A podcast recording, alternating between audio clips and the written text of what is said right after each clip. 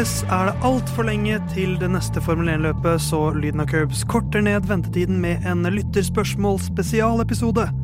Kan selv en Red Bull-fan bli lei av Red Bull-seier? Tror vi Mick Schumacher noen gang kjører i Formel 1 igjen? Hvor lenge bør egentlig Leclerc satse på Ferrari? Og ikke minst, har Herman egentlig møtt Lance Stroll? Det er blant spørsmålene vi svarer på denne uken.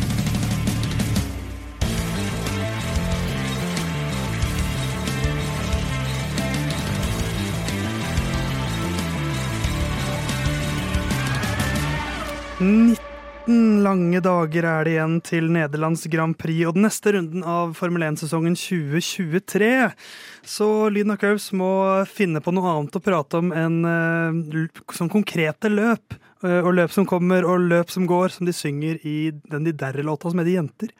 Det er nesten det de synger der. Eh, Hei til deg, Jo Nesbø og dine gule briller. Eh, og Curbs i dag består av meg, det er Theis, som sitter bak spak og klaff. Jon Halvdan, du er selvsagt ved min side trofast, som eh, Nasse Nøff er for Ole Brumm. Selvfølgelig. Eh, nei, jeg er her. Eh, ikke så bekymra som Nasse Nøff, kanskje. Eh, men dette skal gå fint også denne gangen uten Herman. Det er jo snart sånn 50-50 at vi har lagd like mye radio uten som med. Hvis lyden av Curbs bodde i 100-meterskogen, eh, så vil, er jeg Ole Brumm. Ja, Eh, er du Nassenøff, Eller er du eh, Herman er vel en slags tigergutt? han er tigergutt, for han er aldri der. Og vet aldri hvor han spretter, men hvem er du? Er du Eh, Tussi? Uh, uh, Nei, Snurre Sprett, kanskje? Du har den der, har kaninen, ja. Han, han ikke, er snurre, kaninen. ikke Snurre Sprett, men Sprett tror jeg bare han heter. Ja, Sprett er han heter. Uh, men da er spørsmålet Andreas Halvorsen. Hvem er du i 100-meterskogen? Hvem er jeg? Jeg vet ikke. Hvem er som kommer sånn innom av og til? Kanskje Kristoffer Robin. Kristoffer Robin, ja. Det var det jeg skulle si. At det, kanskje det er jeg som er Kristoffer Robin. Ja, da er det Kristoffer Robin, også kjent som Andreas, Ja. dagens vikar. Uh, slash uh, Vi har vel vi har, La oss kalle en spade for en spade. Vi har tre faste medlemmer, og så er det på en måte så nå, Når Bjørn Eidsvåg har vært med så mange ganger i, i Radioresepsjonen at han ikke var vikar lenger. Ja. Uh, det er litt der du er, Andreas. Du og Ole er i den posisjonen. Ja, det vil jeg si. Så Kristoffer Robin eh, og den Du er jo egentlig litt den ugla også, da. Jon Halvdan. Takk til deg. Eh, Theis heter jeg. Ole Brumm kan du også kalle meg. Eh, men da er spørsmålet hvor er du da, Herman? Hvor er Herman? Hvor er Herman? Hvor er Herman? Jeg syns liksom jeg hører lytterne til lyden av Curbs bare skrike etter Ja, det er bra vikarer, de er dødsbra, de er kule, men hvor er Herman? Eh, Herman er på flyet til eh, LA, han. Eh, og skal kose seg litt. eh, med det må få si sjøl, er velfortjent ferie, for det har faktisk vært busy i år. Eh, var veldig bra på Svalbard, forresten. Kult. Eh, så isbjørn.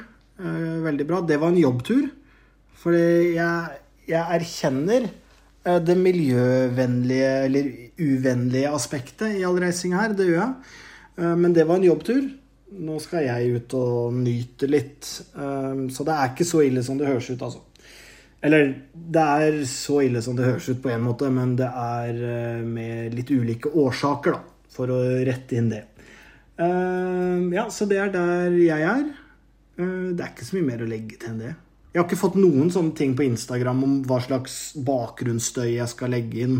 og sånne ting. Ingenting. Så borg.mp4, gå inn der, skriv noe, så får jeg noe å holde på med, jeg òg. Klar beskjed. Det er så herlig at han erkjenner miljøproblemene, men ignorerer de. Akkurat som eh, alle politikere i hele verden. Eh, Han, han fikk et forslag, det var eh, vel å merke på Snap fra meg på flyet til Svalbard, at han kan ha flysus som bakgrunnslyd. Ikke sant. Eh, greia her, for de som ikke skjønner bæret nå, at Herman skal jo da sende inn lydbidrag en liten stund. I og med at han er mye ute og på planetbrenneren. Fraværslekse, fikk du noen gang det, Theis? Eh, nei, for jeg hadde så lavt fravær. Ja, nei, men Hvis du var på ferie og skulle være borte lenger, Ja, eh, så jo, fikk du en lekse for det. Nei, jeg tror jeg bare fikk fri. Ja. Sånn var det på vestkanten i Oslo. Um, så, så det som da er greia, send en melding til borg.mp4 på Instagram. Og skriv til Herman hva slags bakgrunnslyd skal han ha ved neste innsendte bidrag. Eh, han sitter vel nå noen tusen meter opp i luften og ser på One Tree Hill. Ja, det, det er rapporten jeg har fått. i Ja. hvert fall. Hva har ditt liv preget av siste tiden, Jon? Bare for å ta en liten update på oss tre. Eh, begynt på jobb igjen, eh, er egentlig det. Eh, det føles ut som eh, det er en, eh, veldig lenge siden jeg var her sist. Eh, har ikke egentlig Jo, jeg var og så Barbie-filmen, faktisk. Ikke sant? Syns du? Eh, terningkast fire til fem. Litt vel moraliserende på slutten, kanskje. Etter min smak. En som føler seg litt truffet, kanskje? Nei, bare at det er litt for eh, on the nose, da. At det er eh, subtiliteten eh, får ikke leve lenge i den filmen. Nok en gang så viser han seg å være den eh, sære sprett fra 100-meterskoken. Mens du, Kristoffer Robin, hva er livet ditt preget av siste tiden? Nei, siste tiden er å komme tilbake i rytmen, egentlig. Og det å vende altså, Fire fjerdedels takt, tre fjerdedels takt. Ja, så å si. Men eh, altså, vente på det her eh, skremmende regnet som skal komme. Ta med meg paraply, en rød paraply hver dag på jobb. Og så regner det ikke når jeg går til jobb, eller når jeg drar fra jobb. Ja. Men det skal regne hele tida. Ja, og jeg har fått sikkert eh, fire sånne varsler, nødvarsler nå siden i går. Det holder. Dette, det har regna verre før. Ja, ikke sant. Uh, i studio. Mitt liv siste, listetid, siste tiden, listetiden har blitt preget av Boulders Gate 3. Eh, spilt det mye de siste to dagene. Det går det mye av eh, i naborommet i leiligheten hjemme hos meg. Koser meg veldig med det. Og så har det også blitt preget av Bjørn Johan Rief. Jeg skal ingen spørre hvem det er. Ja, hvem er det? Det, har, kjenner, dere kjenner til de kanalvertene på NRK? Ja. Ehm, De som sier sånn Nå er det Ja, ja, ja. Nå kommer Didrik Solli Tangen og gjester eh, Skavlan. Jeg vet ikke om det går der lenger. Eh, Bjørn Johan Rief er den kjendisen jeg ser oftest. Ja. Eh, I den grad han er en kjendis, da. han Tenk så mange millioner mennesker er som har sett han. kanalvert? Han er fortsatt kanalvert. Men han er ikke i samme målgruppe nødvendigvis som Drive to Survive. Nei, men han er fortsatt den kjendisen jeg ser oftest. Jeg så han rett før jeg satte meg i radiostudioet i dag. Okay. Eh, Så det er derfor jeg må nevne Bjørn Johan Rief. Han er den mest sølvrevete av alle kanalvertene til NRK. Så bare google Bjørn Johan Rift, du har garantert sett han før. Eh, Før vi kommer i gang med dagens episode sånn ordentlig, som er den 67. i rekken av Lyden av Curbs sine eh, ordinære episoder, så har jeg tre kjappe fun facts med tallet 67 knytta opp mot Formel 1, i og med at det ikke er noe land vi skal til denne uken. Så Litt er enklere for deg. Litt enklere. Eh, Gilles Villeneuve og Gianfranco Morbidelli, eh, to, en canadier og en italiener, eh, de kjørte 67 løp. Mm. Eh, Litt mer aktuelt, Valtteri Bottas, gjett hvor mange ganger han har vært på podiet? 67 ganger. 67 ganger. Gratulerer med det, Valtteri. Kanskje klarer du to til, så er det bare å legge opp. Uh, Lyden av Curbs dundrer i gang en lyttes, lytterspørsmålspesial. Ikke så lett å si det.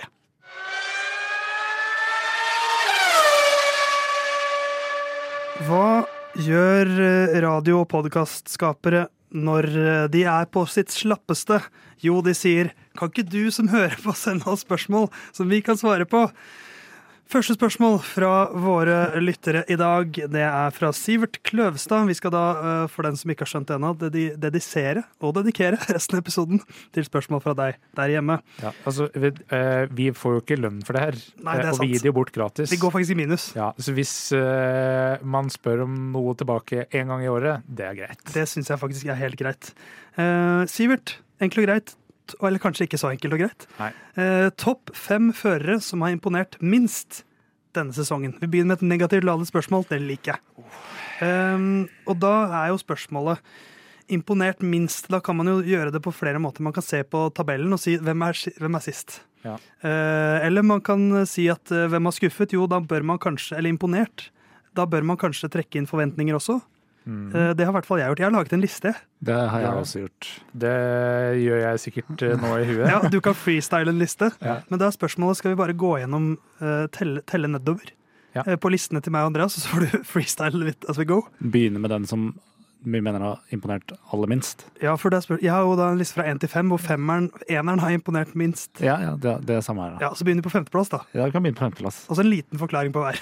Å, Jon tenker nå. Ja, hva tenker jeg? Eh, Andreas, Skal jeg begynne begynne? med min eh, plass nummer fem? Ja, der skrev jeg opp Logan Sergeant, og det er sikkert kjempestrengt. Men det er i hvert fall sammenligna med Alexander Albon. Ikke sant? For det er en slags rookie. Kan ikke ha altfor høye forventninger, men samtidig, han har vært veldig Albon har vært en snakkis. Ja, og Williamsen er jo ikke dårligst. Og han har slitt Han har, han har på en måte vært mest køddefører, Ja. føler jeg. Eh, Logan Sargent, jeg har, da, jeg har da på femteplass Kevin Magnussen. Ja, det, det, var, det sto mellom de to, faktisk. Så. Fordi jeg syns han var så hypa etter at han kom tilbake, og så har han fått Nico Hulkenberg ved sin side, og da ser han ikke så fet ut lenger. Fordi jeg har putta Hulkenberg der. Ja, oi, oi, Eh, oi, kontroversielt.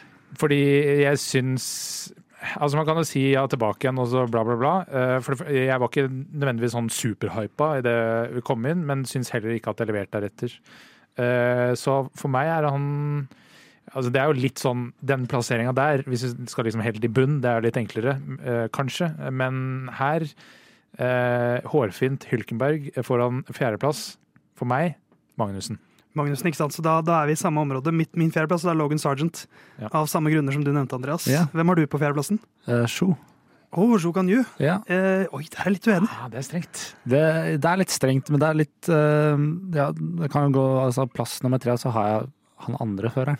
Bottas. Bottas. For det, for det jeg skulle til å spørre om, var Da håper jeg du har Bottas på lista di. Ja, det har Eh, jeg. for da er jeg mer enig. Ja, for det, det er bare Det De gjør ingenting. Nei, men da er spørsmålet For det som også må gå med her, på en måte, føler jeg, er bilen man får. Ja, det er sant. Uh, og jeg, det er jo spørsmålet om den alfaen var veldig bra på starten av fjorårssesongen, og så kanskje mer har funnet et, eh, at det ikke var like bra fra start i år. Ja, Ja, men samtidig da, så er det sånn som eh, løpet da i Ungarn, eh, eksempelvis, hvor ja, det er Vi roter til litt med hvordan man setter opp eh, eh, startprosedyren på Show Ganyu sin bil, eh, men i tillegg så gjør ikke Bottas det særlig godt heller, i, eh, hvor de skusla bort kanskje der det, det løpet de kom til å ha best race pace denne sesongen, Ja, og da er det lov å være litt skuffa. Det er det absolutt. Um, tredjeplass for meg. Nyk de Vries. Dere trodde kanskje han skulle være nummer én, men nei, jeg hadde ganske lave forventninger. Men han klarte fortsatt å skuffe meg. Nok til at han er nummer tre. Jeg har snakka så mye om han, så vi kan gå videre til deg, Jon. Hvem hadde du på tredjeplass? Eh, De På din- På, ja, ikke sant, Nyk de Vries. Trygt valg.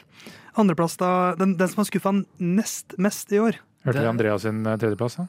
Eh, ja, ja det var Bottas. Bottas, Bottas, Bottas. Ja, nå tok jeg altså ikke Jeg valgte å ta ut eh, De Fries av min liste, rett og slett fordi han ikke er med lenger. Ja, ikke sant. Ja. Men eh, på min andreplass det sto veldig mellom de to jeg har på første og andreplass. Jeg var Dennis veldig Hauger. usikker. Ja, Dennis Hauger. Nei, jeg gikk for Sergio Perez.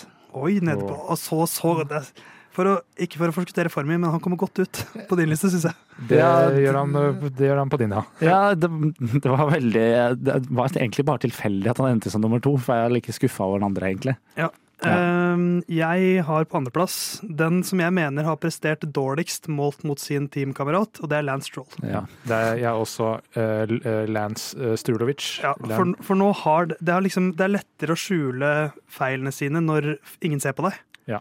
Eh, men når alle plutselig begynner å se på laget ditt, Hva, eh, så skinner det fram at oi, du er ikke så pen i forhold til han du kjører ved siden av. Ja. hva er den differansen nå? Nå skal jeg bare Den er jo pinlig. Det er jo um, Altså, Alonso har 149 poeng. Ja. Lance Stroll har 47 poeng.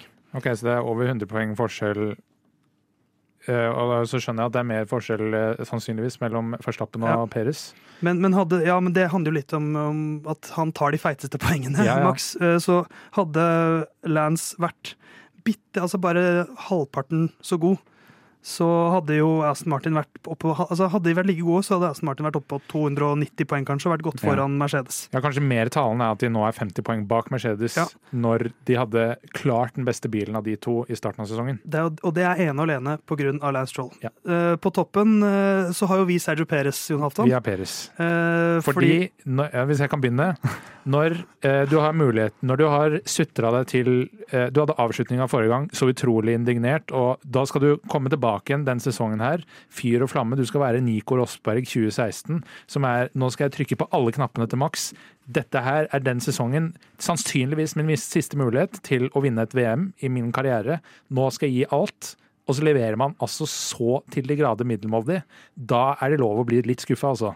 Ikke så mye å tilføre, uh, annet enn at det er lov å bli mer enn litt skuffa. Ja. Uh, men da er jeg veldig spent, André, spent og jeg er både Det og spent. det er vel egentlig ikke så veldig overraskende at Lance Stroll står øverst på min. Da. Men det er også på en måte Det måtte bli en av de to, syns jeg. Ja, det var derfor jeg, jeg vippa veldig, og så gikk jeg for Stroll øverst. Ja. Ikke sant? I starten av sesongen, de to beste laga, uh, altså Red Bull klart best, eh, etterfulgt av Aston Martin, uh, og to andre førere som ikke leverer i det hele tatt. Nå er det vanskeligere å ta poeng, og da er det enda vanskeligere at Lance Stroll er andrefører i den eh, Aston Martin. For Red Bull har det ikke noe å si. Men, Men for- men i hvert fall, altså de første, de første tre løpa så var i hvert fall Perez litt med, men så Han var bare god i starten. Da, ja, da, da, da, ja. da, da veier han opp og plasserte han et hakk under. For at okay. Stroll var jo aldri i nærheten. Han hadde jo knokket begge armene, da. Ja, ja, tydeligvis. For meg så gjorde jo det bare eh, skuffelsen større, fordi at han bygget Ja. seg opp, og da ble fallet enda større. Ja, det er greit. Ehm, takk for spørsmålet, Sivert. Ehm, spørsmål, neste spørsmål, Johan Hafton. Neste vår. spørsmål. Det er fra Marie Elise.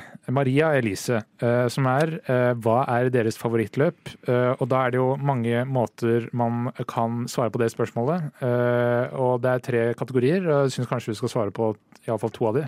Eh, denne sesongen, eh, i løpet av en oh, ja, det- sesong, og historisk.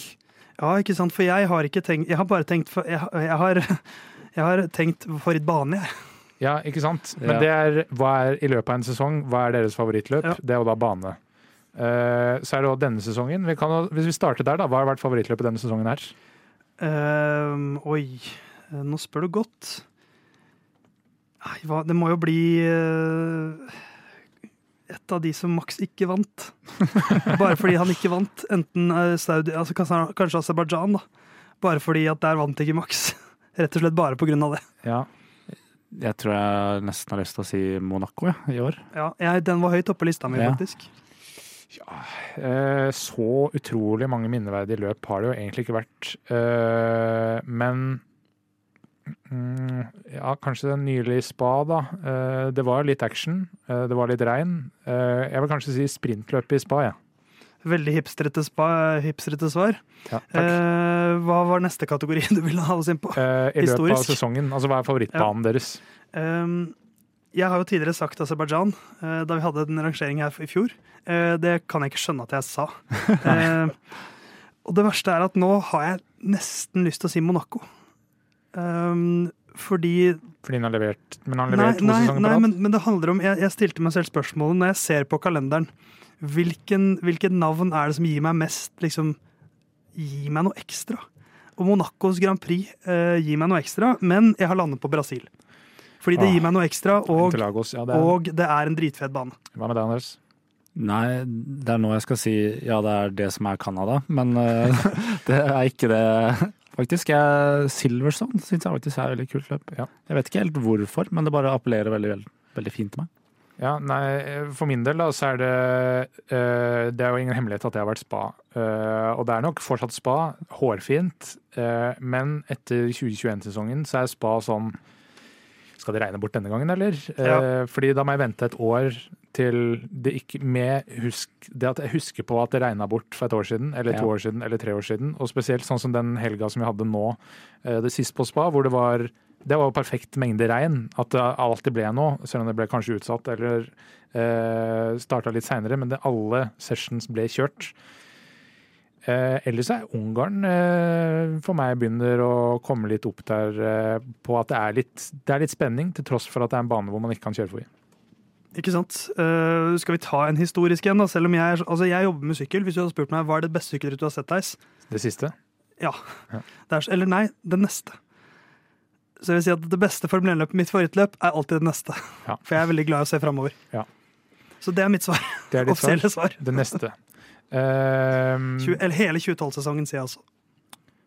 Ja, det kan man gjøre. Uh, Det er uh, 2011 er Canada, eh, som er det femtimersløpet hvor uh, Jensen Button vinner.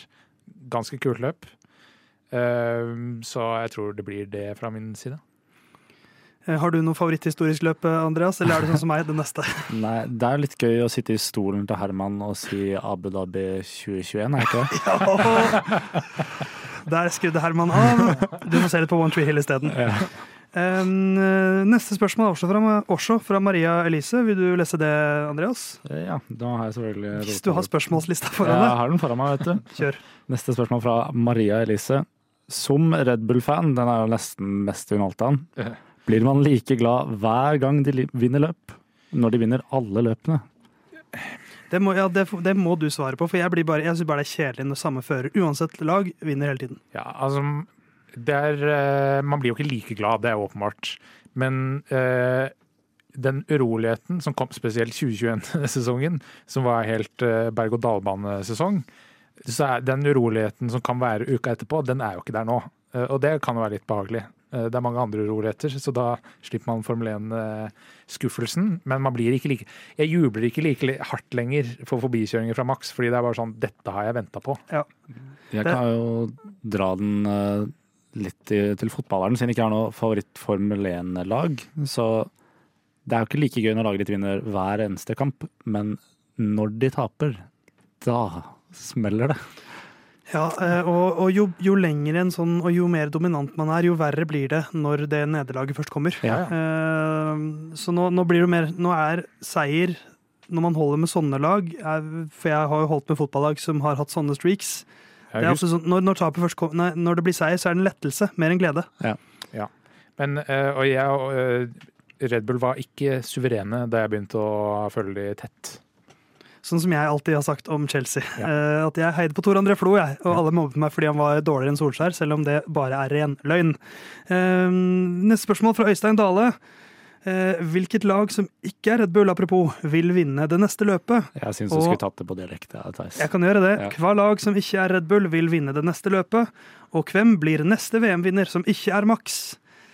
To spørsmål i ett, på en måte. Eh, Skal vi line opp eh, Skal vi starte med slutten eller starten? eh, ta, ta starten først. Ok, fordi konkurrer... eh, hva skal vi si ehm, eh, de, de potensielle kandidatene her til å vinne neste løp er jo en av de andre topp fem.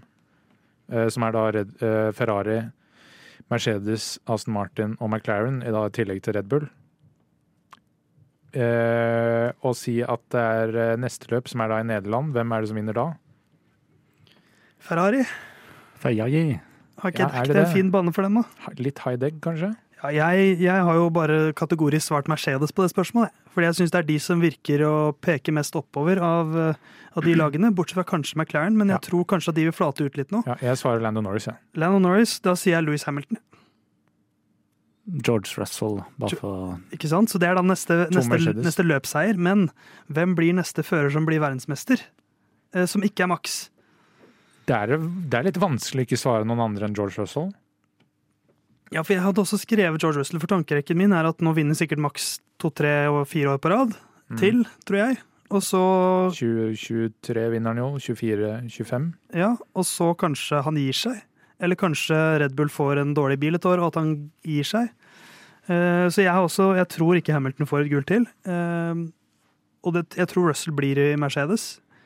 Det, men det er alt, altså Alternativet er Red Bull har en god bil. Hvem er det de henter inn for Max? Men det skal vi komme litt eh, inn på litt seinere. Ja. Um, Nei, jeg tror, det- jeg tror George Russell. Og det tror vel du òg, kanskje, Jon? Ja, jeg tror også det. da, eller klær. Charles Leclerc i Ferrari.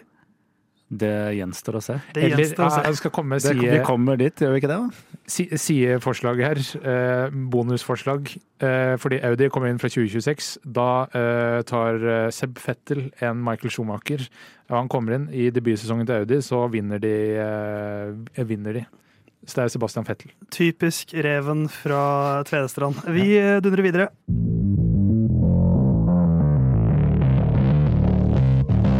Brutalt og enkelt. Tror dere Dennis Hauger noensinne vil kjøre Formel 1? Det spør Magnus Tune. Eh, hva Vi blir jo godt lært eh, på Journalistikkhøgskolen Theis, at eh, ja-nei-spørsmål eh, bør man ikke stille. Det er litt avhengig av situasjonen, da. Det er det. Eh, Hvis det f.eks. er Jonas Gahr Støre, og du spør Jonas Gahr Støre, mener du at Herman Borgstrøm sin flytur er, eh, er så ironisk i og med at han nettopp har tatt bilder av isbjørn at Alanis Morissette kunne Nei, ikke Alanis Morissette. Jo. Jo, kunne sunget om det. Oh, ironic? Uh, Ja. ja. Ja, ikke sant? For det er et godt igjen. Når du vil ha et tydelig svar på et, når du tvinger noen til å ta standpunkt. ja. Så hvis uh, dette er overskriften vår, da? Ja. Nei. Dennis Hauger kommer aldri til å kjøre Formel 1. Det er jo det enkle svaret. Um, jeg får si tja, jeg, da. Eh, hvor, hvor jeg mener at tja som i Jeg tror han kommer til å sitte i en Formel 1-bil på en eller annen F free practice session en gang. Eh, jeg tror han får en sjanse neste år, etter en god sesong. Eh, men at eh, God sesong neste år. Ja, ja, ok. Så Um, 2025. Eh, 2024. Eh, ja, De må kanskje velge free practice-førerne free practice, faktisk, førerne ganske tidlig. Da, det vet Nei, det jeg kan de winge det litt, tror jeg. Det vil jeg tro. Jeg tror Dennis kjører en Formel 1-bil neste år, men jeg tror ikke han kjører et offisielt Formel 1-løp. Jeg kan jo gi litt begrunnelse for min nei. Ja. At, jeg syns bare han mangler den der X-faktoren som noen av førerne har, sånn, som Piastri har vist nå. Sånn Og som jeg syns Ollie Bearman viser, da. Ja, som sånn Han har liksom bare ikke akkurat det lille ekstra som gjør at ja, han tar igjen fram til tredjeplass, da, men så klarer han ikke kjøre forbi tredjeplassen, eller eh, ja, sånne enkle ting som det. da. Jeg Det er ikke, ikke at det er enkelt, men uh, Nei. Skal som ikke sitte her i studio og si at det er lett å kjøre forbi, men det som de eh, beste får til å se enkelt ut. Ja. Eh, men det, det er jo litt sånn at jeg frykter han kan havne i en slags sånn eh, posisjon nå, hvis det, selv hvis han skulle liksom vinne Formel 2 et år. Ja, Nykter Friis er jo nesten mer Ja. eh, Altså Ja, men jeg, jeg har mer tro på Dennis enn Nykter Friis. Mens Drogovic er jo åpenbart en god eh, fører. Ja. Eh, mens, men han har liksom, det tok tre sesonger, og så var det ikke noe ledig plass. Eller det var ikke sånn at talentpoolen tillot det at det var hans tur. Altså Når man har en med sånn uh, freeride pass uh, i laget du signer for, eh, altså Drugovic, da er det litt vanskelig å komme inn i Formel 1 også. Ja, det er nettopp det. Så, så vi får se, da. Det er brutalt eh, nei fra alle Eller brutalt nei fra to, et ja. Bare for, å ikke, bare, for et, ja. bare for at vi ikke skulle ha tre nei. Um, og så videre på et brutale spørsmål fra Ole Abelsen. Tror dere Mick får et sete noen gang igjen? Mick Schumacher også, som nå er um, reservefører i Mercedes. Eh, Det er, uh, syns jeg er ganske mye mer sannsynlig. Eh, Det er nok, eh, og her er jo selvfølgelig Herman uenig, og jeg er litt uenig med Herman at Mick er eh, så paydriver som han skal ha det til. Men eh, han er tysk. Eh, han ble litt done dirty i den eh, hasen av Günther Steiner. I et veldig giftig arbeidsmiljø, altså. Ja, og en forferdelig bil. Et, Ja. altså Helt usannsynlig forferdelig bil. De, de stilte ikke opp, og så peiler man han ut fordi han ikke var for, altså passelig god nok over den russiske definitive pay-driveren. Altså Den bilen var jo et russisk flagg. Uh, men uh, det kommer inn et lag, Audi, tyske. Uh, kan godt hende at de vil satse på en ung, ikke så ung da, men iallfall uh, lovende fører med et etternavn som er udiskutabelt i Formel 1. Jeg tror egentlig ja. Og jeg har skrevet Williams, kanskje? Oh, at de får inn noe tysk kapital. Ja. Eh, jeg eh, trodde Mick var yngre enn det han er. det er litt som Nykter Friis. At å ja, han er 28, ja, men eh, Mick Schumacher er 24. Eh, som er jo ingen alder, men, det er ganske vesentlig forskjell, da. men, men, om, men det vil si at om en Audi kommer inn i 2026, er det det? Ja. Eh, det er tre år til, da er han 27. Eh, hvis han ikke har kjørt noe Formel 1 innen den tid, Ja, så er det jo litt risky å Men, men det, er, det er som du sier, at, at i Formel 1-sporten så er det ingen navn som, ingen varemerker som er sterkere enn Schumacher-navnet. Så Nei, men det kan jo være øh, altså, uh, Alfa Romeo-navnet forsvinner vel fra neste sesong av, tror jeg. Da er vi tilbake til Sauber, som er det egentlige navnet på det Alfa Romeo-laget. Bottas eller Shaw, hvor mye viser begge de, f.eks. mot en Audi som allerede har kjøpt seg inn i laget? Uh, ja, vi ønsker å ha Schumacher der for å se om han er klar, klar til 2026. Så, eh, altså, det er mange muligheter her, og det er ikke bare der. Det er som Andreas sier, Williams er en eventuell mulighet. Hvis Logan Sargent ikke slår til der. Uh, Alpin er jo helt eh, kaotisk, så der kan jo hva som helst skje. Uh, ja, det er mange muligheter. Og så er jeg helt enig med at jeg, jeg tror nok han ble done dirty i sin Formel 1-karriere, fordi det var ikke lett å få til ting i det Haas-laget. Han har på en måte CV-en. Uh, Dennis Badges, han har vunnet Formel 3, han har vunnet Formel 2 på andre forsøk, Ja. eh, som er bra. Så, og så er det, det er jo litt sånn som i andre, andre idretter, eh, fotball spesielt, at noen spillere må spilles gode. Og, så kan de være best i laget hvis de på en måte spilles gode. Mens jeg tror ikke han er den som liksom drar en drittbil opp. Men hvis han får en god bil, eller en mer konkurransedyktig bil, så tror jeg han også får mer ut av egne ferdigheter. Ja, og så krasjer han jo en del, men det er jo et tegn på at han iallfall ja, kjører på sin grense, men sannsynligvis bilens grense også. eh, hvor ja, erfaring gjør at man kanskje pusher mindre, men ja. Det, jeg jeg syns iallfall ikke vi kan si definitivt at Mick Schumacher ikke har noe i Formel 1 å gjøre.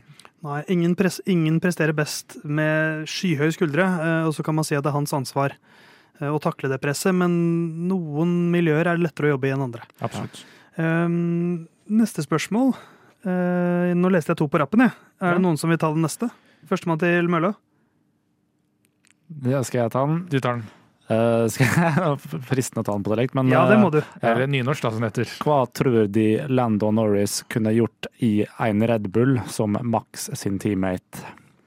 Spør Og det er Uglum. Emma Uglum, som jeg tippa var Ålesund-aktig. Ja, for du bare gambla, det, det liker jeg. Um, det er jo fra to karer som har veldig usikre fremtider i Formel 1-sirkuset, til eh, en som har en veldig sikker fremtid i Formel 1-sirkuset. Ja, det vil jeg si. Um, her og nå, hvis vi kitter ut uh, Sergio Perez fra Hvis vi gjør sånn Kitter han ut fra Mercedesen inn, nei, fra Red Bull inn til Nederlands Grand Prix og kitter inn Lennon Norris, hva skjer da? Ja, da blir Norris Max vinner fortsatt, men hvor ligger eh, Norris i landet Ja, da er det Red Bull 1-2 hvert løp. ut sesongen? Støtter du Ja. den vurderingen av din bror eh, Jon Hoftan? Eh, ja, jeg vil si den avstanden vil iallfall minst halveres. Eh, og på kvalifisering nesten viskes ut. Straight out of the gates, liksom? Rett med, med en gang? Altså, hvis, hvis det skjedde nå, da, så hadde før ferien så hadde hun fått noen uker på å Ja. gjøre seg vant med bilen. Ja. Kanskje ikke altså, 100 der enda, men, men jeg tror det er, det er litt vanskelig å si med den Red Bull-bilen egentlig hvor suveren den er. Fordi øh, vi vet hva Max kan gjøre i en For det er jo spørsmålet her hele tiden. Hvor middelmådig er bilen? Er, altså bilen er åpenbart ikke middelmådig, men tidligere Hvor suveren er den? med, uh, i Red Bull, også da Max var oppe og hevda seg med definitivt den klart tredje beste bilen. Uh, men da han hadde liksom Albon og Gasly og uh, etter hvert også Perez som lagkamerater i hvor mye, Hva er Max, og hva er bilen? Er bilen på nivå til Perez eller på nivå til Max? Eh, og hvis bilen er på nivå der Max kjører, så vil jo Lando Norris klart være andre. Eh, eh, altså 1-2 med en gang. Men hvis det er, eh, det er nok en mellomting her. Men uh, ja, altså, han viser, altså Norris har i hvert fall vist at han kan få en god del ut av en ganske dårlig McLaren. Men det er jo også en Og bil selv eh, i Belgia på, i løpet så var den jo ikke i nærheten av like rask som de andre langs langstreka. Men han klarte jo fortsatt, hva det ble han? P7? P6? Ja, det er god strategi under regn. Eh, har, det er jo også en bil som har ødelagt kjørestilen til Ricardo, sies det. Ja. Så spørsmålet er hvor omstillings... eh, hvor i stand til å omstille seg er Norris. ja, det vet vi ikke. Han er kanskje den føreren eh, sammen med Max som kjører mest simracing òg. Så det er mulig at han er mer tilpasningsdyktig enn f.eks. Ricardo. Ja. Ehm, ja, det sånn karriere, karrieremessig. Hva er lurest for uh, Hvis Lennon Norris hadde fått muligheten nå uh, Det er jo dristig også, da, å ta kampen mot en fører som Max. Uh, er hans, hva, er, hva er Lennon Norris sin beste sjanse på å bli verdensmester? Er det å Hvis han får muligheten til å ta kampen mot Max, bør han ta den, eller bør han, øh, bør han heller satse på at McLaren klarer å bygge opp en bil som kan utfordre? Men hvis, hvis, du, altså, hvis du ikke skal prøve deg mot den beste, hva Ja. er det vits da, liksom? Altså, selvfølgelig, Det har- det, altså, du må jo ta den og vise at Ja. du kan slå han som er best. Det er ikke alltid den beste føreren vinner, da. Nei, det er litt forskjell fra Champions League, eh, at man må slå de beste til Formel 1. Ja, det det er må du ikke i Champions League heller. Nei, men det er så mange interne uh, hva skal vi si, faktorer her Ja, ja. som avgjør Ja, du er i i lag med den beste, men det er ikke nødvendigvis at dere får 100 like arbeidsvilkår. Nei, nei. Eller prioriteres 100% likt. Sannsynligvis ikke med maks. Eh, nå er jo Norris og eh, Verstappen gode venner. Eh, så spørsmålet er om man orker det, eh, fordi man må nok pushe til altså 100% og trykke på alle knapper underveis for å vinne. Så øh, han blir nok i McLaren, spesielt nå som det virker som de har fått øh, styr på tingen. Så tror jeg han trives der litt bedre òg. andre førere sin fremtid skal vi prate litt om straks.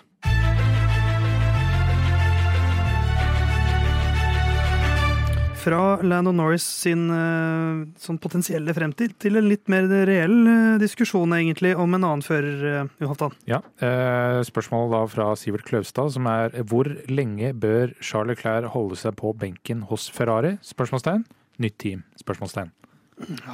Det er jo litt i vinden for tiden. Det går rykter om ny kontrakt. Eh, hvis du hadde vært hans karriereveileder eh, i Manpower, for eksempel, Andreas. Manpower, ja. Som hvis uh, Charlie Clair var uh, Ole Brumm, som jeg føler han på en måte er eh, Nei, han er mer tussig. Han er mer tussig. Og du var Kristoffer Robin, som jo ikke er helt urealistisk. Ja, nå- Hva ville du sagt til han? Da, jeg sjekka jo da hvor gammel Leclerc er, sånn Ja. for å være for bare se hva, altså, nå er Hvor gammel er Alonso nå? 42? 9000, cirka? 9000, ja. Nei, 41, er det ikke det? Ja, 41 eller 42. Men, eh, og Leclerc er 25, han blir 26 nå i oktober. Mm. Ja, altså jeg sier vent tre år til, det. I hvert fall. I Ferrari? Ja, det er null stress. Altså, alt, spørsmålet må jo alltid Altså, være akkurat nå er det jo sånn at hvis ikke du skal til Red Bull, sånn det ser ut nå, så er det ikke vits å flytte på seg. Ja, og Det er også spørsmålet hvor man har plass. Det er jo ikke ledig i alle stolene.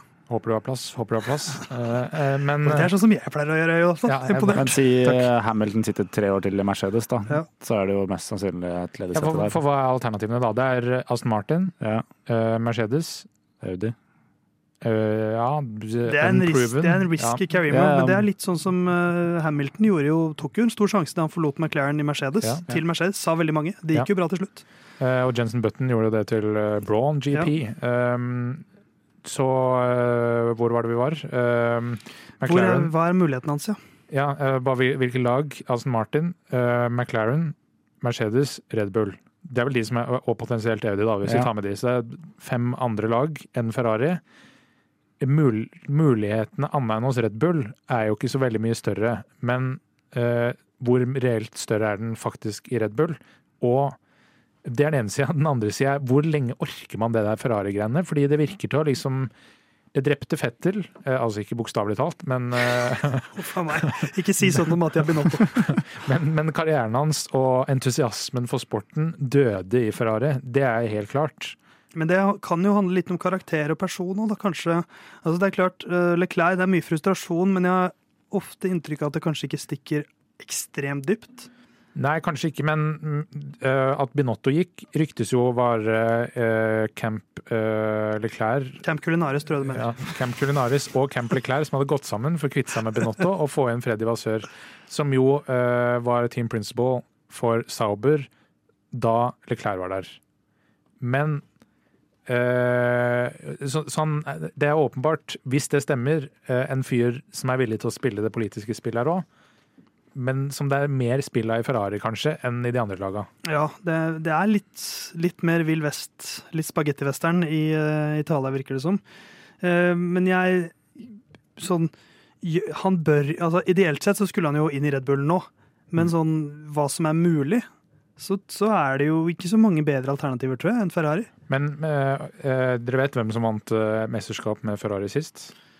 Uh, Michael Schumacher Nei, det, det er jo Kimi Reikon. Kimi Reikon, Ja, ja. stemmer. Eh, I 2007, vel? Noe sånt. Eh, Så det er jo eh, gode 15, eh, snart 16 år siden. Eh, Det har vært noen lag som har vunnet siden da. Så spørsmålet er er Ferrari det som kommer til å være nærmest av McLaren. McLaren var tettere med i tittelkampen. Altså, jeg, jeg tenker jo at det som, det som skjedde i fjor, er jo et bevis på at Ferrari kan gjøre noe riktig. Ja, men så forvalter de det jo fryktelig dårlig, da. Men da må de lære seg det også. Ja. Og det er jo mulig, hvis du får de rette puslespillbrikkene på rett plass, så plutselig så får du et komplett bilde, eh, og så synger den Ferrarien. Og vi vet jo at han har musikalstalent, så han klarer å spille godt der. Ikke, Eh, Så jeg, jeg tror han bør bli, sånn som situasjonen i Formel 1 er nå. Ja, ja, det er jeg helt enig det er djevelens advokat, for jeg syns også han burde bli. Alternativene er ikke veldig gode, men alternativene han er på, er ikke veldig bra, det heller. Jeg tror at Stirling Moss eh, sin pølse i vaffel eh, er altså sin posisjon som den beste føreren som aldri ble verdensmester. Jeg er litt redd for at Charles Leclerc kanskje kan, kan, kan bli en sånn type, eh, og at han kanskje kan passere ham. Eh, Det er ikke utenkelig. Altså, det er jo noen, eh, Martin Brundle er jo den, kanskje den beste føreren som aldri har vunnet et, mest, eh, altså et løp. Så det er jo noen sånne man kan konkurrere mot. Og Charles Leclerc er definitivt på vei Så lenge han ikke klarer å vinne fra pole position, så eh, blir det sånn. Eh, vi får flytte oss videre til eh, et lag som vi har nevnt som uh, mulig Leclerc-plass, men som kanskje ikke er så realistisk. Andreas, vil du lese nok et spørsmål fra Sivert Kløvstad? Ja. Bør Red Bull se på muligheten for å kapre Piastri som erstatter for Peres? En P for en P. Ja, en P for en P. Uh, og da er jo spørsmålet eh, eh, Bør han eh, Han har kontrakt ut neste år, Mm. som eh, ikke er så utypisk for en eh, rookie, kanskje. At det er toårskontrakt for å liksom teste the waters litt. Ja, Det er jo kanskje den mest omtalte kontrakten, i hvert fall eh, nå eh, på griden, eh, med den alpin-sagaen. Ja. så eh, Fia har sagt at eh, den eneste gyldige kontrakten for Piastri er 2023 og 2024 for McLaren. Eh, Det, hva, hva vil Altså, bør, det er jo to spørsmål på en måte her. da. Bør Red Bull og bør Piastri? Hvis Red Bull sier ifra. Eh, og det blir jo litt, litt det samme som Lando Norris, egentlig. I og med at de er lagkamerater. Ja, nå ser i hvert fall Piastri ut til å være på niv nivå med Norris. Ja, han, eh, han virker eh, reell, så jeg tipper, og Zac Brown virker veldig fornøyd med begge førerne nå. Ja. Jeg tror han er veldig gira på å beholde begge. Ja, eh, og så har du da en fyr som åpenbart ikke er redd for å gjøre det han må i karrieren. Eh, Så er jo spørsmålet da for Red Bull må ikke. Eh, Så lenge, fordi eh, har de maks eh, og de har bil som kan vinne VM, så vinner de eh, VM. Eller iallfall det er den beste muligheten. Så det er ikke noe sånn vi er nødt til å gjøre noe drastisk der. Så spørsmålet er eh, eh, Mercedes med Hamilton og Rosberg, det ble litt for hett, så derfor fikk de en Botta, som var liksom en trygg nummer to, som alltid leverte, eller, nesten alltid leverte. Peres skulle være en trygg nummer to. Leverte da det gjaldt som mest i Abu Dhabi i 2021. Jeg har levert litt svakt siden, men Ja. nå gjør det ikke så mye. Han leverte veldig bra da han var fornøyd med å være nummer to. Ja. Ja. Og så skulle han prøve å bli nummer én, og så ble han i stedet nummer fire, fem, seks, syv, åtte og ni. Eh, og Red Bull har jo måttet håndtere Fettel og Mark Webber, eh, som var eh, ganske elektrisk eh, til tider. Orker de det igjen? Men så er det, det er eneste mulighet til å sikre seg Piastri. Hvis Max fortsatt er på det at ja, jeg skal gi meg etter eh, kontrakten går ut i 2027 eller når det er. Ja. Men uh, altså hvis de venter da til kontrakten til Piastri går ut, så Red Bull har jo muligheten da til å De kan chippe ut Perez allerede etter denne sesongen her. Prøve f.eks. Ricardo, da, se om det funker. Og så gå for Piastri. Det har de muligheten til, for Ja. Max kommer til å vinne uansett. Ja, jeg, jeg, Eller, altså, man vet jo ikke neste sesong, men akkurat nå så ser det litt sånn ut. Jeg, jeg er veldig spent på liksom neste trekk, neste føretrekk fra Red Bull. For nå har de liksom varslet at de skal kutte litt ned på akademiet sitt. Mm.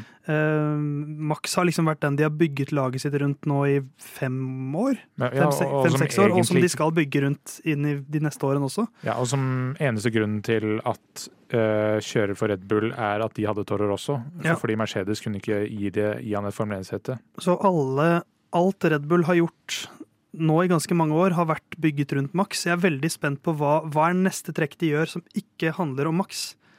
Eh, eller liksom hvor de, hvor, hvor, som handler mer om en annen persons fremtid enn om Max sin fremtid. Ja. For alle signeringer på førersiden de gjør nå, handler fortsatt om hvordan skal vi spille Max så godt som mulig. Ja, for nå har han vært der eh, Formel 1 siden 2015, vel? Ja, Så det er jo åt, åttende sesong. Ja. Og han har en, kontrakt noen år til, og hvis, hvis det er reelt det han snakker om, da, med at uh, jeg skal gi meg snart, så kan det jo hende at disse førerne i Formel 1 har en enda bedre hunch på hvor reelt er det han sier der. Sånn som Lando Norris, da. Kanskje han egentlig vet med sin gode venn Max at han kommer til å gi seg om tre år, for det har han sagt til meg på en litt annen måte enn han snakker offentlig. Ja. Eh, Da kan, det er også lettere hvis du sitter med sånn type informasjon og kunne si 'jeg går til Red Bull', selv om jeg da må være Max sin andre fører. Ja, og Red Bull er jo ikke useriøse, så de vil jo pushe på Du, Max, vi trenger eh, Hvis du er faktisk reell på det her, og vi, så har vi mulighet til å signere Oscar Piastri nå. Ja. Du må kjøre med han i to sesonger, men det får du bare finne deg i. Jeg tror neste føresigneringen til Red Bull, eh, sånn minus Ricardo For han føler jeg tror jeg bare er en ett år, toårsløsning. Den, Den, si, den sier mye om fremtiden til Max Verstappen også. Det er riktig. Um, Eller tror jeg. det, det tror jeg også. Vi uh, kommer nok aldri til å kjøre i en Formel 1-bil, men vi skal leke litt med den tanken om ikke så lenge.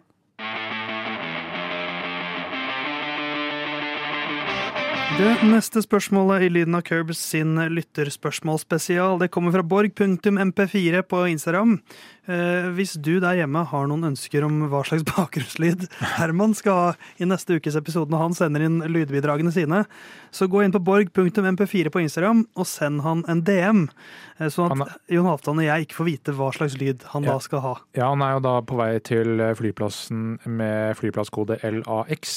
Eh, så der, eh, da vet dere litt sånn ballpark hvor han er. Eh, finn et eller annet eh, idiotisk eh, og festlig som han kan stille seg foran og spille inn en Ja. uh, love letter Så han, da, så han da kan få utfordringen som han da ikke kommer til å fullføre. Uh, Ja, ja. Hvis den blir for vanskelig.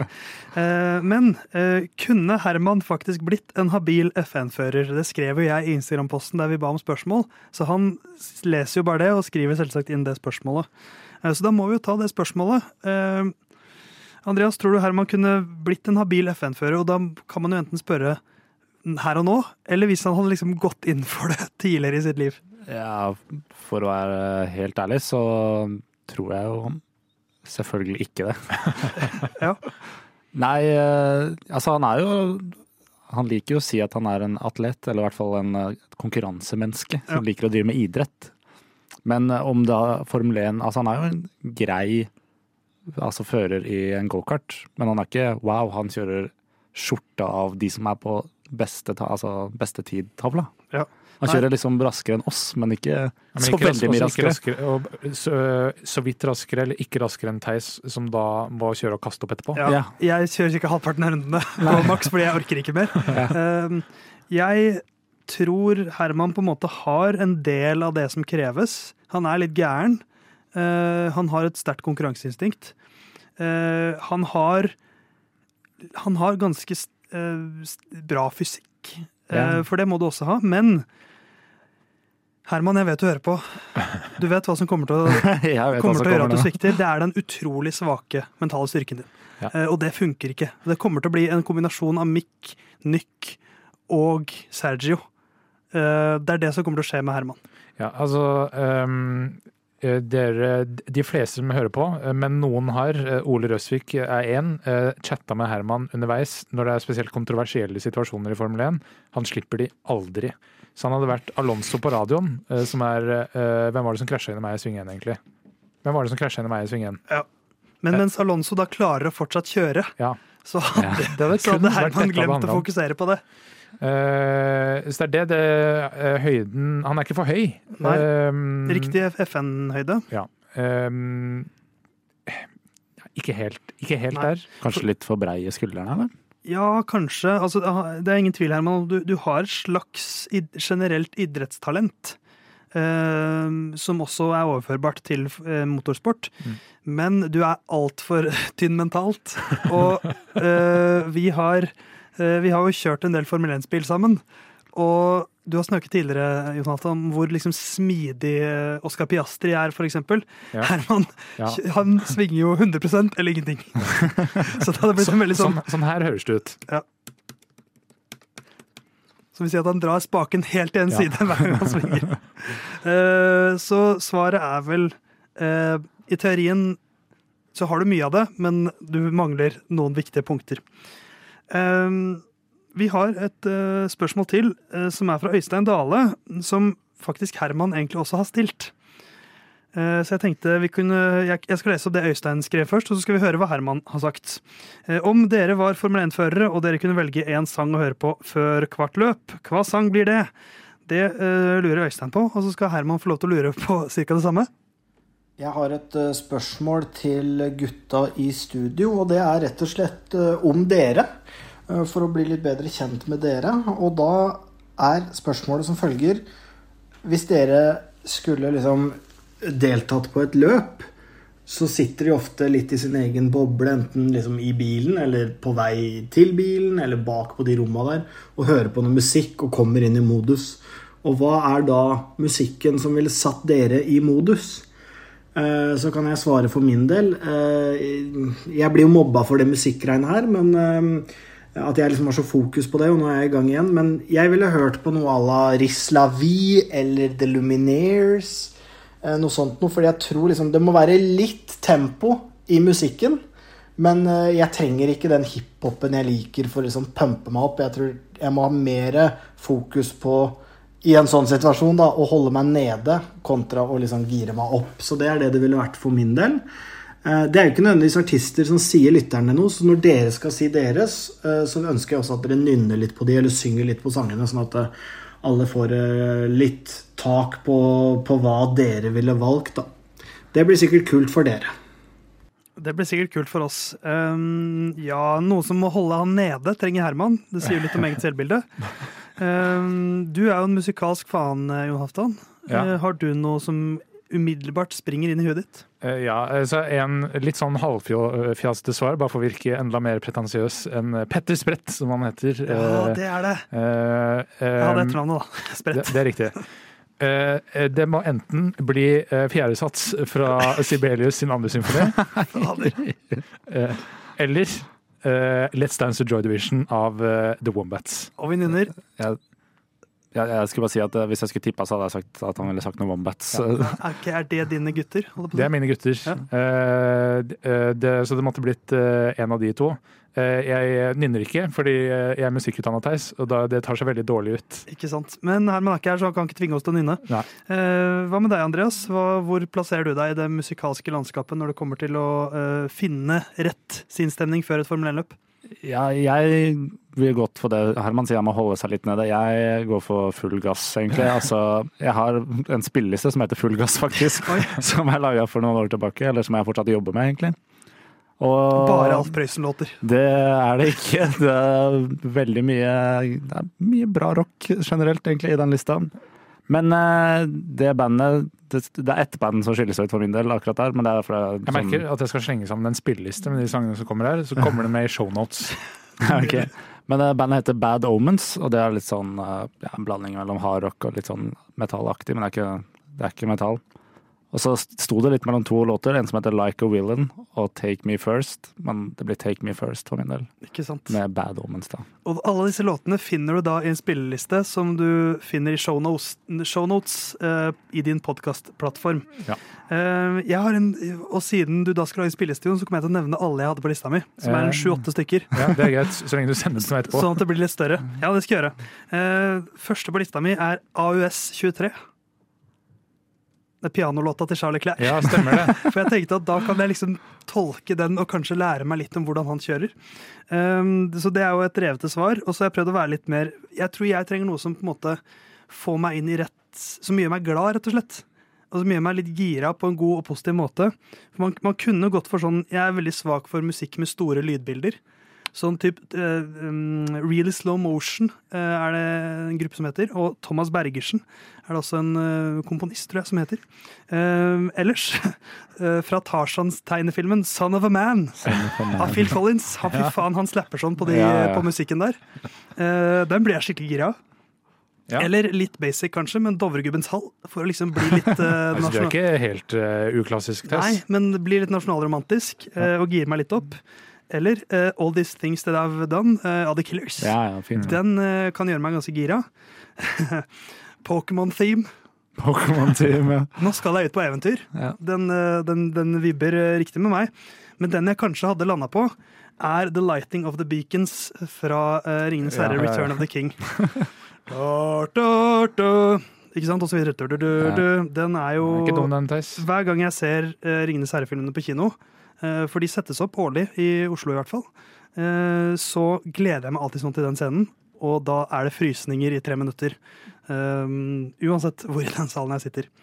Eh, så jeg skal sende alle, Jonathan. Ja, takk. Gjør det. Eh, og så blir Kanskje hvis man hører på alle disse låtene, da vet jeg ikke helt hva man føler. men, eh, men du der hjemme, du kan jo høre på denne spillelista. Og send gjerne inn på Instagram. Lyden av Curb setter vi der. Eh, enten om en av disse sangene har Men er det der jeg skal slenge inn et nytt norsk band som jeg nettopp oppdaga? Som har, har kommet med én sang og har bare 1000 avspillinger til nå. Oi. Den heter 'Vanskelig' av Dessverre. Og den eh, kommer til å være på lista, den også. Ja, den er ny i min spilleliste, så den er ikke i full gass, dessverre. Men uh, pun intended. Snart er den der også. Snart kommer den dit. Jon, hva kommer den spillelista til å hete? Eh, vi girer oss opp. Vi girer oss opp. Det er, Ja. ikke, det er ikke dumt. Uh, Lyden av Curbs nærmer seg slutten, men vi skal ikke gire ned helt ennå.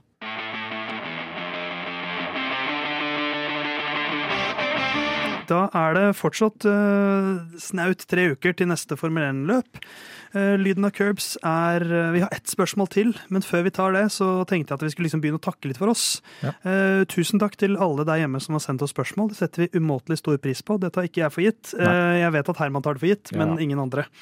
Lyden av Curbs er tilbake neste uke. Da skal vi gå Evaluere sesongen. Ja, rett og slett. Vi, vi begynte jo å vurdere litt i dag. Topp fem mest skuffende førere, f.eks. Ja. Nå skal vi dra inn eh, både førere og team principles inn til den klassiske midtveisvurderinga. Hvor vi sier hvordan ligger dere an sånn karaktermessig? Eh, må du jobbe litt bedre for å ikke få nedsatt i orden oppførsel? Vår medarbeidersamtale slash foreldresamtale Ja. eh, med alle lagene. Utviklingssamtale heter det nå, Theis. Det er Du har ikke vært vært på- ansatt Nei, på en god stund. bare vært innsatt og utsatt. eh, og bortsatt. Eh, men eh, du, Andreas, hvem skal du sette ut resten av eh, pausen i Formel 1. Hva, hva er planene dine frem mot neste Formel 1-løp? Hva er planen min her? Det er å dypdykke i Premier League, tenker jeg. Det begynner jo nå til helga, og det gleder jeg meg faktisk veldig til. Det er det som er så nok, det er hver sesong så er det sånn ah, nå gleder jeg meg, så kommer det sånn midtveis, og så går det dritt, og så er det sånn ah, ser jeg på det her? Det som er så digg med å være sportsinteressert, at det er alltid noe å øh, følge med på. Mens du, Jon, hva skal du holde på med fram til neste Formel 1-løp? Bortsett fra å lage lyden av curbs. da. Ja, skal jeg plugge, plugge ting? Ja, Ja, hvorfor ikke? Fordi Vi, vi, gjør dette, vi gjør dette gratis. ja, søndag kveld da er det eh, Slottsplasskonsert med min arbeidsgiver Oslofilharmonien. Eh, så det er det en, del av helga kommer til å gå med til. Eh, anbefales å få med hvis man er i Oslo-området, eller live på NRK1. Hvis du ikke har lyst til å se på det, eller høre på det, se heller på Danmark Rundt, som er min neste sykkelritt jeg skal Ja. kommentere. Discovery Pluss neste uke en gang. Jeg skal følge litt med på lydbransjen, fordi at vi lager jo lydprodukt. På, på turné sjekke platespillere Ja, og bare, sånn? følg, bare, bare følg med på lydbransjen generelt. Spille de første 69 episodene inn på vinyl? Nei, jeg skal spille 69 timer med Baldur's Gate Ja. før vår 69. episode. Da kan det godt hende jeg faktisk har gjort det. Eh, Men vi er tilbake om en uke. Men før vi forlater deg der hjemme, så skal vi ta et siste spørsmål. For uh, veldig faste lyttere av Lyn og Curbs, og de som hører alt, de vil da få med seg at etter at vi takker for oss, så har vi alltid en liten sånn nugget som kommer helt til slutt. Hvor Herman sier 'good luck this weekend, Stroll'. Eh, Og så hører du da faktisk Lance Stroll som svarer 'thanks'. Det er, Thanks. det er som regel den siste tingen som ligger skjult på slutten av hver eneste Lyden av Curbs-episode. Og Maria Elise lurer på om det er det virkelig Herman som ønsker Stroll lykke til. Hva er historien bak det?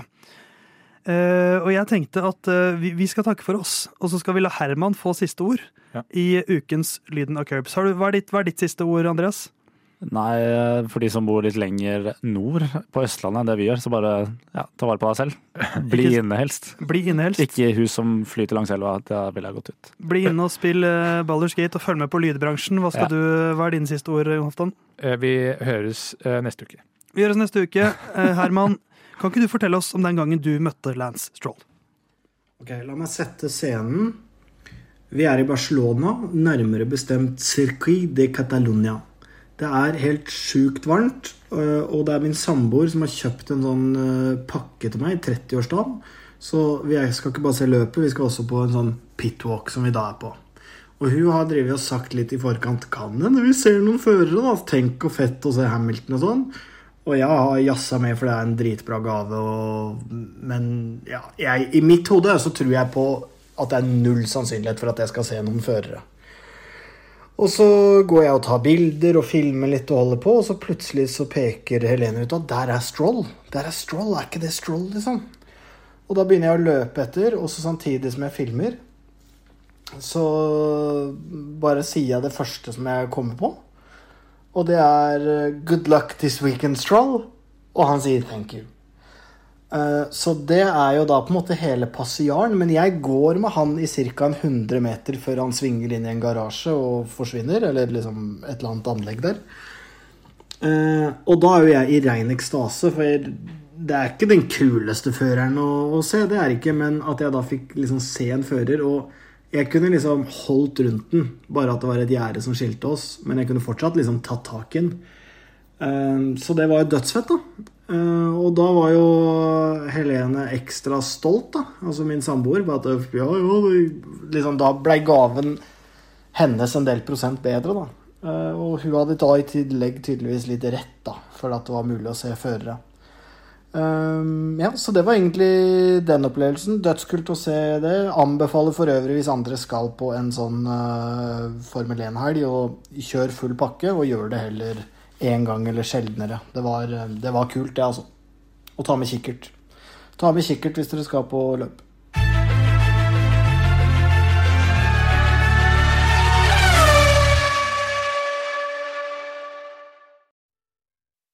Good luck this weekend, Stroll. Thanks.